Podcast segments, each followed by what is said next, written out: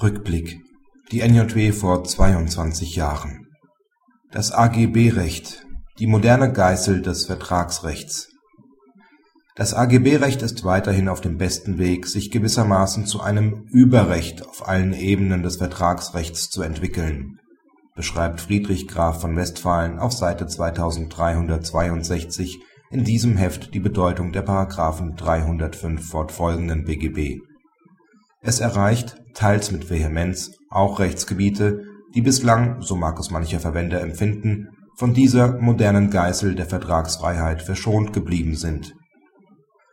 Mit letzterem dürfte der Autor das Reiserecht nicht gemeint haben, denn schon immer haben die allgemeinen Reisebedingungen die Gerichte beschäftigt.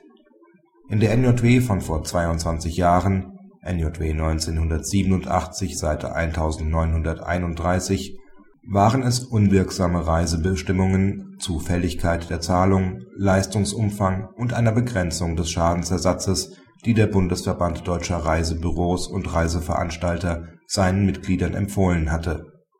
Der BGH sah sich daher veranlasst, den Verband zur Unterlassung der Empfehlung und zum Widerruf der unwirksamen Klauseln durch Veröffentlichung in der Verbandszeitschrift zu verurteilen